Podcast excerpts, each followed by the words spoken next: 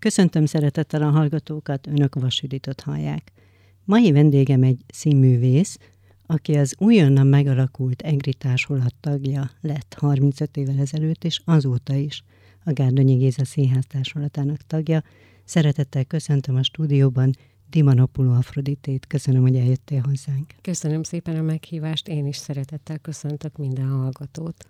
Elnézést kérek a hallgatóktól, de tegeződni fogunk, ugyanis már régóta ismerjük egymást. Mint említettem, kezdetektől itt vagy. Fogunk majd erről beszélni, hogy miért egelt választottad, és mi az, ami itt tartott. De egy kicsit beszéljünk már a gyökereidről, mm. mert nyilván a nevedből mindenki sejti, hogy félig görög származású, vagy édesapád a görög.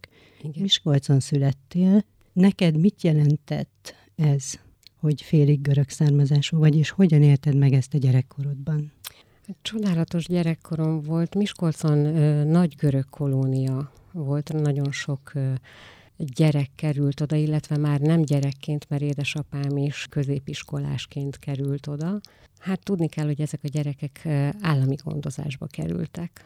Volt Görögországban egy nagy polgárháború, és összeszedték a gyerekeket, olykor a szülők tudta nélkül is, azon a címen, hogy menekítik őket az országból. Ez mikor volt körülbelül? Ez 1948. Édesapám akkor 12 éves volt, és ő így került Magyarországra. Meséltem már erről valamilyen fórumon talán, nagyon megrázó történet, hogy édesapám mesélte, hogy összeszedték a gyerekeket, erre emlékezett, és ő a nővérének a kezét fogta, és terelték őket föl vonatállomáson, és elszakadtak egymástól.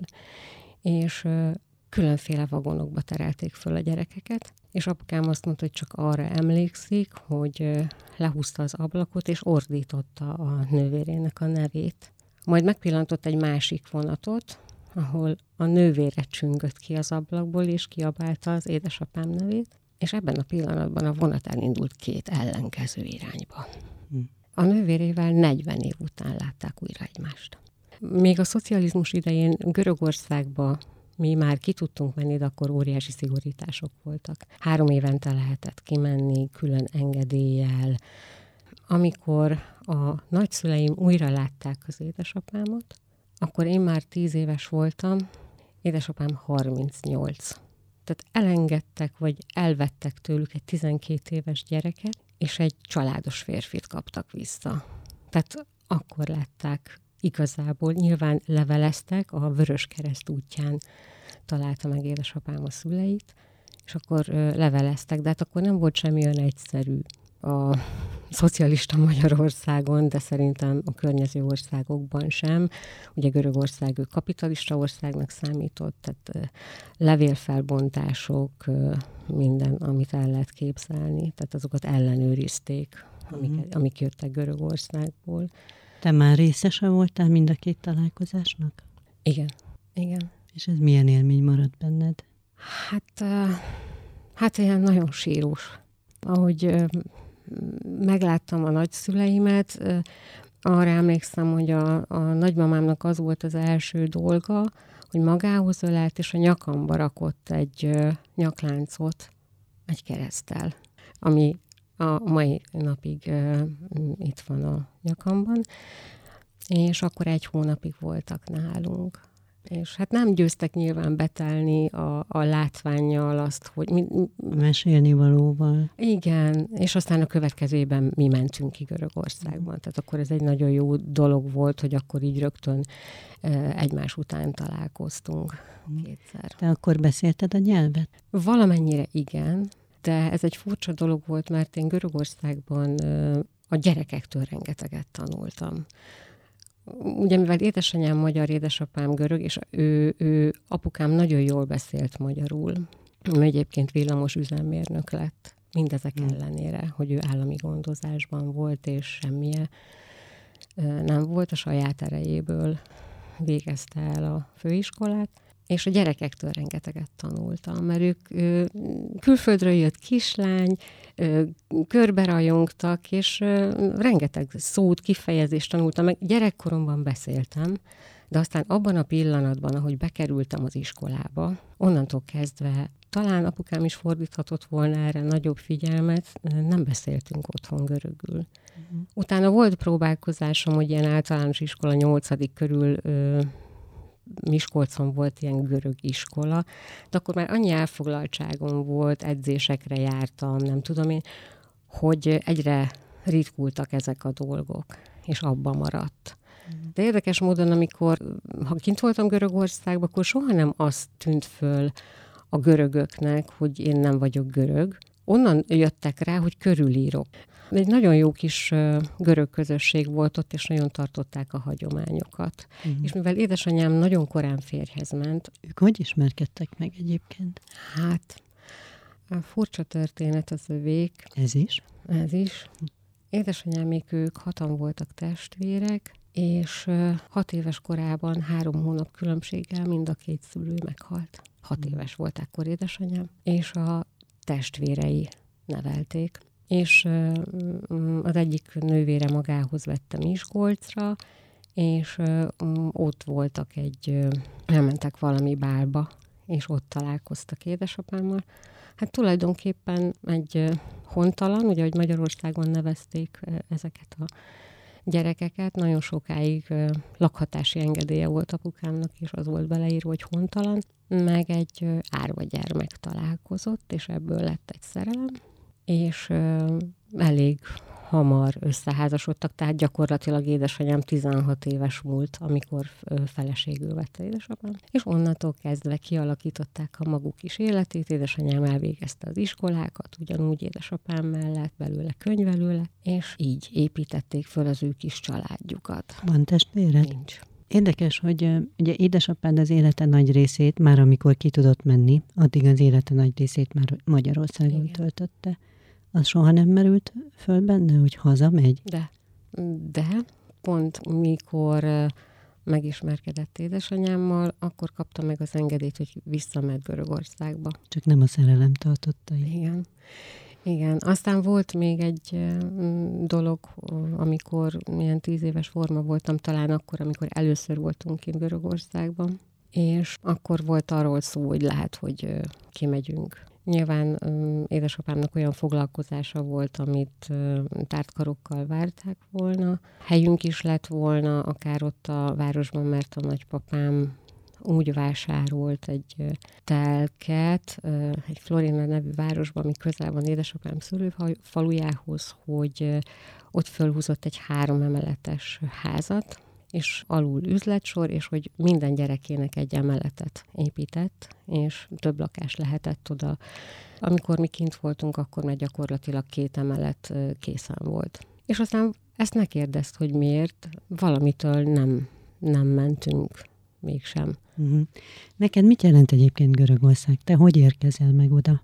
Egyáltalán milyen gyakran jársz ki? Nagyon régen voltam kint nagyon-nagyon régen, és az egyik vágyom, hogy a gyerekeimet így egyszer, vagy így a családdal, férjemmel együtt, együtt elmenjünk, talán ez jövőre megvalósul. Mindig volt valami nyáron. Azelőtt nagyon, hát gyakrabban mentünk, azt hiszem azért, amíg három évente, akkor három évente, és akkor utána már lehetett gyakrabban menni, akkor akkor mentünk, ahogyan lehetett, de ez nem most volt. És hát csodálatos helyről származik az édesapám, gyönyörűséges hely, 2000 valahány száz méter magasan a Preszpató partján. Miskolcon a hagyományokat, ott azért ápoltuk, tehát a görög nemzeti ünnepeket, azokat mindig megünnepeltük, akkor ez összefüggött egy ilyen óriási nagy táncházzal, ami tényleg reggelig. És én kicsi gyerekkorom óta ott voltam, ott megtanultam a táncokat, és, és hát rengeteg magyar is nagyon szívesen járt, mert valahogy ez annyira bevonzotta őket, ez Igen, a pozitív... Igen, is népszerű volt igen, a görög ez a pozitív életszemlélet, és, és egyáltalán Úgyhogy nagyon sok magyar barátnő, meg sporttársam, nagyon sokan jártak úgy szintén. Magadban érzel-e valamit, ami olyan görögös temperamentum, életkedv? Vagy ez nem lehet így igazán szétválasztani? Hát a lányom azt mondja mindig, hogy mi egy ilyen görög család vagyunk. És mit, é- mit ért ez alatt? Hát, hogy úgy nagyon hangosan, főleg a lányommal, tehát nagyon, hogyha röhögünk, akkor aztán tényleg borzasztó. tehát én azt gondolom, hogyha, hogyha velem valaki találkozik, elsősorban nem a temperamentum jön első jelzőként az, a, az eszébe. Szerintem. Uh-huh. Nem. Ugye? Tehát, egy csendesen visszafogottabb igen, nő vagy. Igen, igen. Tehát róla mindenki a visszafogottságot, a kis líraiságot, a kis finomságot. Ezek egyébként ilyen szempontból én nyugodtabb természet is vagyok hogy aztán a gének melyik ágon, mert a, a nagymamám például, a görög nagymamám, ő kifejezetten. Ő, ő egy jóságos, nyugodt, mosolygós asszony volt, kis filigrán, csinós, úgyhogy az is lehet, hogy tő, nem tudom, de én úgy érzem, hogy én, én nyugodtabb vérmérsékletű vagyok ilyen szinten. Uh-huh. Nem vagyok ez a nagyhangú, visongós, nem tudom én micsoda. Az egy másik kérdés, hogyha, hogyha hülyeskedés megy a, a gyerekeimmel, akkor, akkor mm, igen, de egyébként így kifelé nem. Nem, nem jellemző, azt hiszem. És mi volt a szülők reakciója, hogy a lányukból színésznő lesz? Nekem nagyon komoly elhatározásom volt ez. Gyakorlat... Ez körülbelül mikor született meg? Uh, nagyon korán, Általános iskolában uh, rengeteget jártam színházba, de én kézilabdáztam egészen 17 éves koromig versenyszerűen, de nem is ez volt a lényeg, hanem a színház varázsa, mint olyan, az megcsapott, és, uh, és színházbérletem volt. Nem voltam az a szavaló versenyes típus. Aztán a gimnáziumban az énektanárnő mondta, hogy kéne énekelni, és hogy el kéne menni. Ő, ő rendcigált el énekversenyre, ahol díjat is kaptam rögtön. Kiskoromban rengeteg ö, embert utánoztam, énekeseket, és a család, a bő család is jókat derült rajta, de soha nem volt lámpalázam. És olyannyira volt komoly ez az elhatározás, hogy én csak a színművészeti főiskolára adtam be a, a jelentkezésem. Hát nyilván a szüleim azt mondták, hogy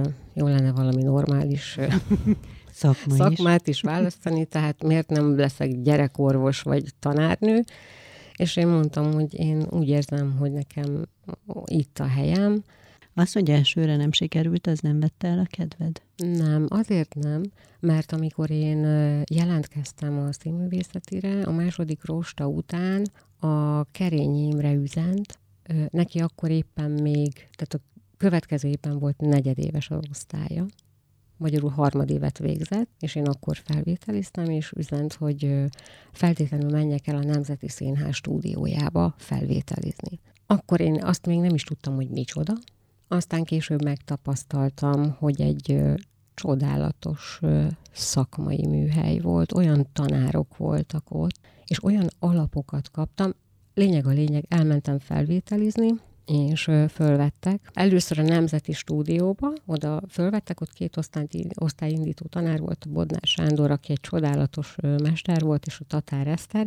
Most ide bekapcsolom a görögséget. Ott álltam a felvételin, a harmadik emeleten volt, ha jól emlékszem, a stúdiószínpadon, és egyszer csak megjelent a Papa Dimitrió Atina. Majd megjelent a Galbenis Thomas, mert hogy ők hallották, hogy egy görög lány jön felvételizni és jöttek erőt önteni belém, vagy nem tudom, és ez olyan jól esett, hát ugye az Atina akkor ő már azért elég ismert volt, nagyon fiatal színésznő volt, de hát azért címlapok itt-ott, forgatás, nem tudom mi, rengeteg nagy szerepet játszott.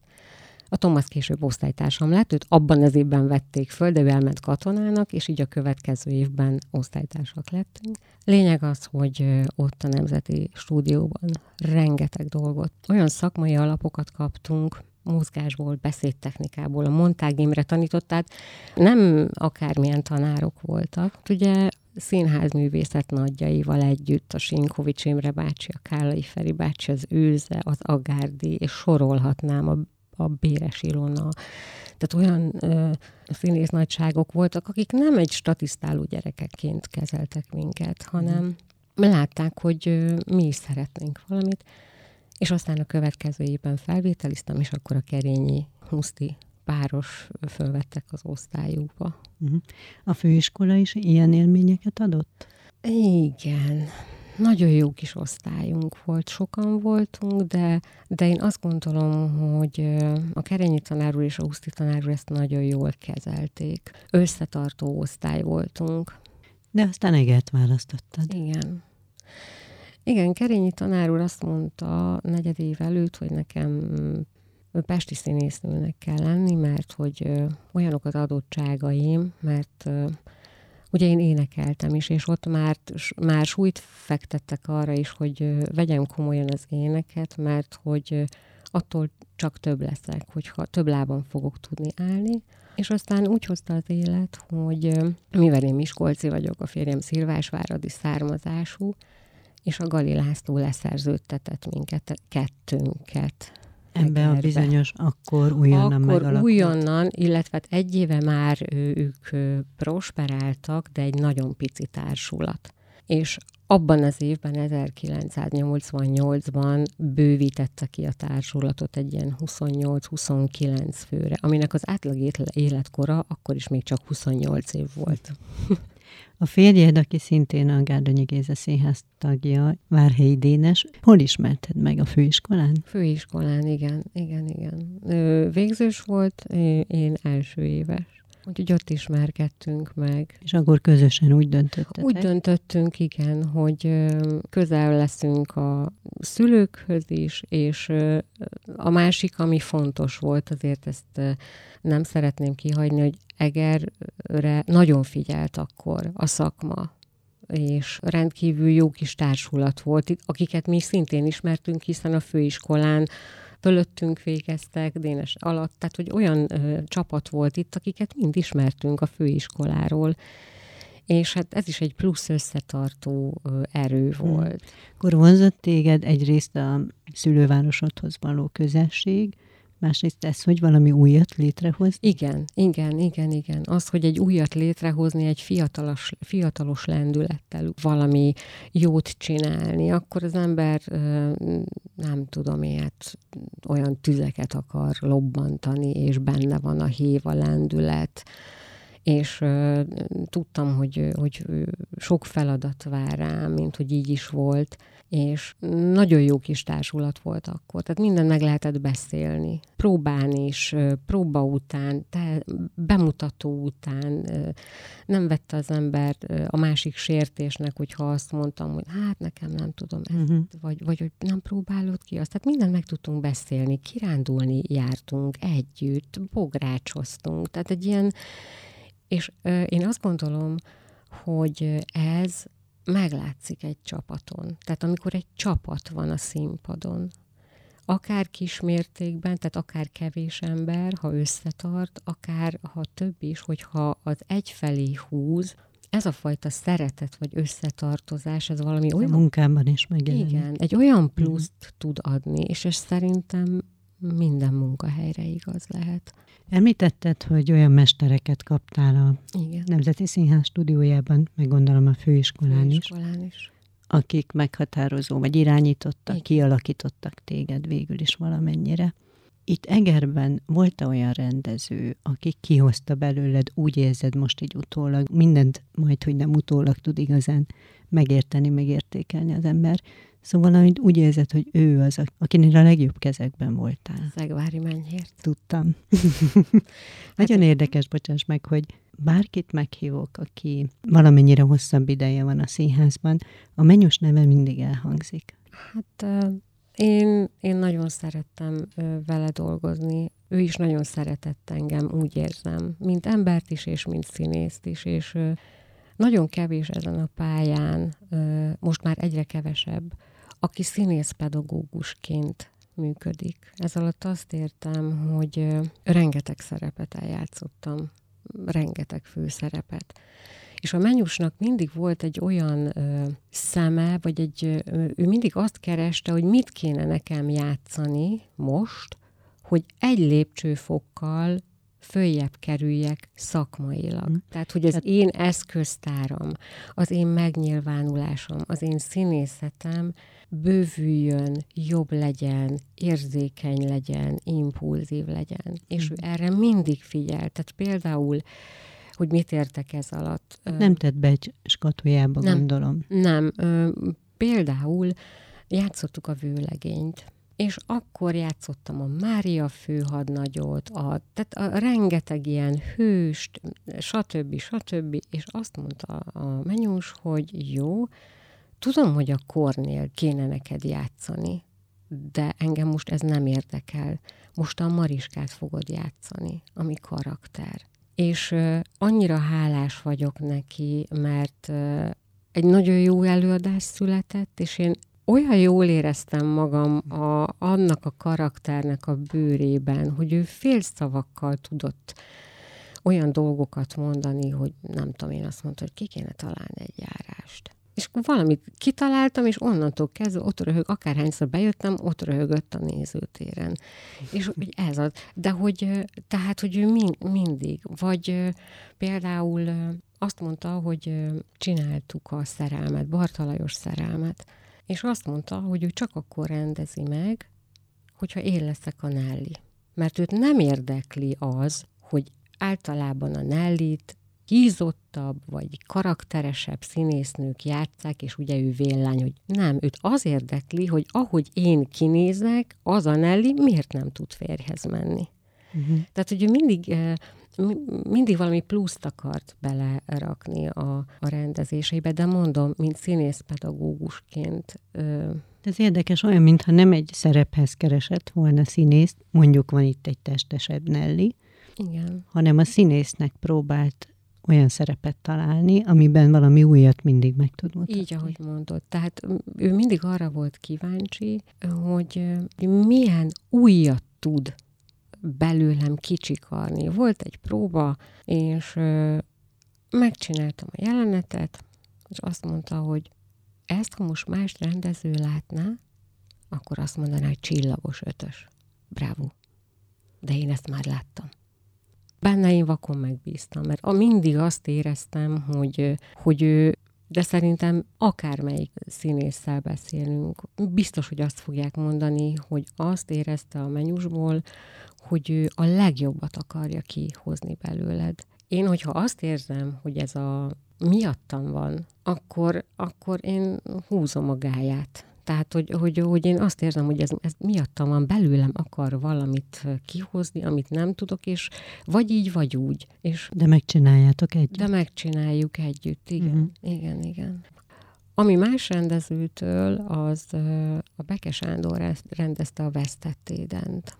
Az, az egyik kedvenc szerepem volt így mostanában, vagy a régmúltban, mert ott is egy olyan jó kis csapat jött össze, és valahogy annyira egy irányba tartottunk, és a Sándor annyira tudta, hogy mit szeretne ebből az előadásból, és azt nagyon sokat is játszottuk, és a darab nehézsége ellenére nagyon szerették a nézők, tehát nagyon sok pozitív visszajelzést kaptunk, és hát ugye az én kis úgymond törékeny alkatomhoz képest ez a Majtény Anna, ez nagyon távol áll.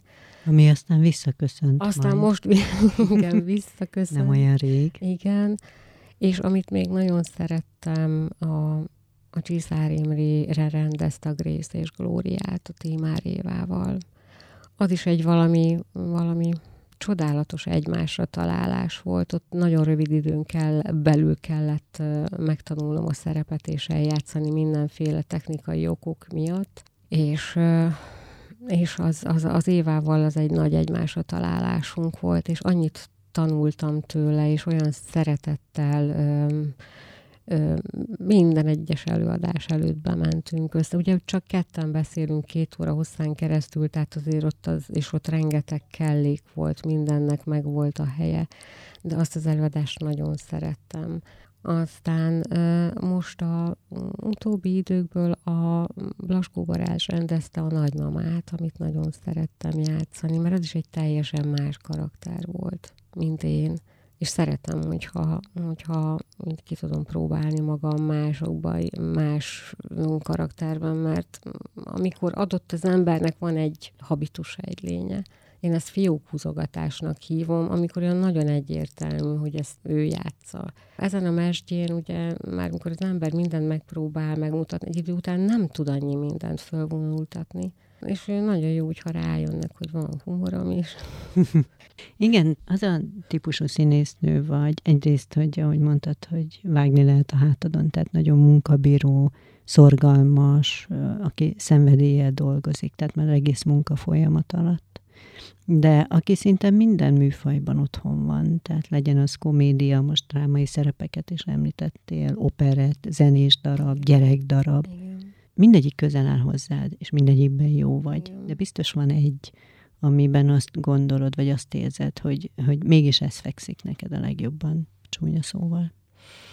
Nincs? Minden műfajt másért szeretek. Tehát, hmm, a, tehát mindegyikben megtalálod igen, a maga Én, én igen, én, én nagyon szeretem azt, amit csinálok. És örömmel megyek be a színházba, és ha, ha nem is olyan a szerep, ami akkor is, hogyha már ott vagyok, akkor azt gondolom, hogy, hogy akkor csináljam meg jól, és és játszom el jól. Tehát ez valahol mindenféle szerep egy önismereti kurzus egyébként egy színész számára. És akkor jó, hogyha minél jobban tudja feszegetni a határait. Amikor már el tudja engedni magát annyira, hogy azt az egy lépést még meg tudja tenni. Tehát ki tudja nyitni a, azt az ajtót, képletesen szólva, hogy át tudjak lépni azon az ajtón, és ne az legyen, ó, hát ezt nem merem, ezt, ezt, ezt, ó, hát ezt nem tudom. Tehát, hogy, hogy lélekben le tudjon mesztelenedni. Ez nyilván főleg ez a drámai szerepekre e, igaz, vagy a színdarabokra, és és... Szeretsz így elpusztulni a végére? Hát egyébként igen. igen, hát a Grész és Glória az ilyen volt. Hát ott, uh-huh. ott, az, ott csak ültünk az öltözőbe. Tehát voltak olyan darabok, ami után úgy volt az ember, hogy jó. De ezt valahol érz, érzi is egy színész. Tehát uh-huh. hogy az, hogy, hogy ma itt egy picivel ezt itt elengedtem, itt most nem volt meg az a százszázalékos nyissuk ki a kaput, csak mondjuk 80 százalékig nyitottam ki a kaput. Ezt csak én tudom. Meg jó esetben, a, ha érzékeny a partnerem.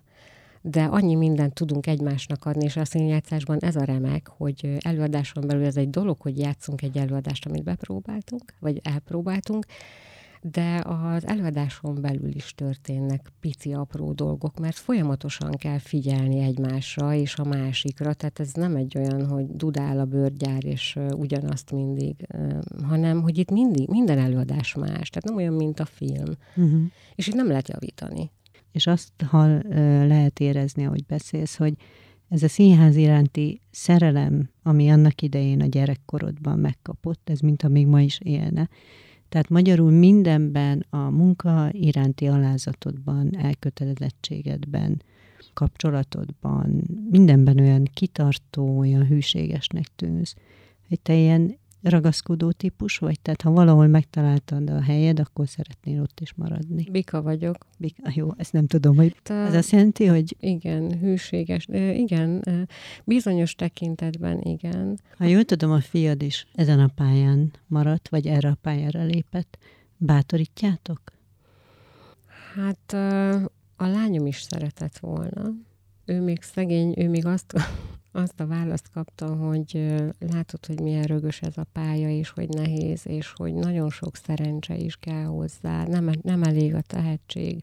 Gondold meg, aztán végül is ő kommunikációs médiatudományt végzett televíziós szakirányon, de közben a művészethez mégis ő is ragaszkodott, elkezdett táncolni most e-, egészen más pályán van, de a, a művészettől nem tud Orsi lányom sem elszakadni.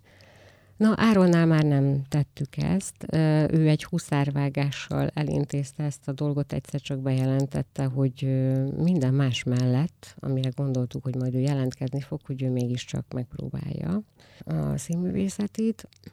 és ő is még olyan nagyon kis fiatal volt, és egy évet elment a Nemes Nagy Ágnes művészeti iskolába, ahol remek mesterei voltak, és oly mértékben kinyílt, és ott csak folyamatosan a pozitív visszajelzéseket hallottam, meg mondták felém az engem ismerő tanárok, és a következő éve fölvették a Réprónai szakra Kaposvár Eperjes Károly osztályába.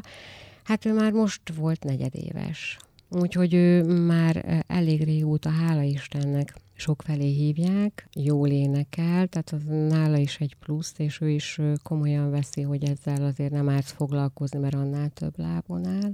Úgyhogy hát ígéretes és reménykeltő. Bár én mind a két gyerekemmel egyébként elég szigorú vagyok, nem elfogult, hanem szigorú, illetve nem is szigorú, őszinte. Tehát nem, nem úgy nézem őket, hogy mint anya? Mint, jaj, igen, hogy ott az én kisfiam. Nem, mint szakmabeli. Szakmabeliként, igen, és itt volt uh, alkalma megmutatkozni, akkor vették föl pont az egyetemre, és itt volt nyáron a Made in Hungária, a Hungária című előadás, amit a Méhes Laci rendezett, és uh, hát nagyon jó érzés volt, amikor a Laci odajött hozzám, és azt mondta, hogy boldogan vállalna ilyen tanítványokat, és hogy más szakmabeli megnézte, és azt mondta, hogy most tudtam meg, hogy ez a te fiat, hát semmi különbség nincs a színészek és az ő játékok között. És hát nyilvánvalóan rengeteget fejlődött azóta a négy év alatt, ami, amit ott átadott uh-huh. az egyetemen. Számít, hogyha az embert akár a szakma, akár a közönség díjazza, vagy neked elég a taps? Visszajelzés a szakmai díjak azért, mert ez az ország annyira Budapest központú, művészetileg meg főként. Annyira megszínész van vidéken. És a szakmai díjak, az állami díjak 60 éves kor környékén érik el. A Jászai Mari díj például 60 éves kor környékén éri el a vidéki színészeket, ami a fiatalok díja.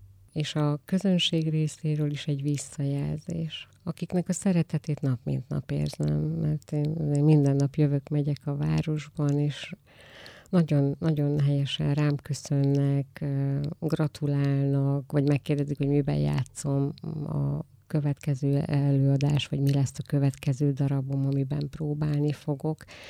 Ez a másik egyébként, amikor ide szerződtünk Egerbe, hogy itt úgy éreztem magam, mint egy budapesti főművész. Annyira az egriek azt mondják, hogy a mieink, a mi színészeink, és ezt éreztem mindig Egerben, hogy a sajátjuknak éreznek, hogy én az ő színésznőjük vagyok. Valahogy ö, a pályám kezdete óta, és ez, és ez ö, azért...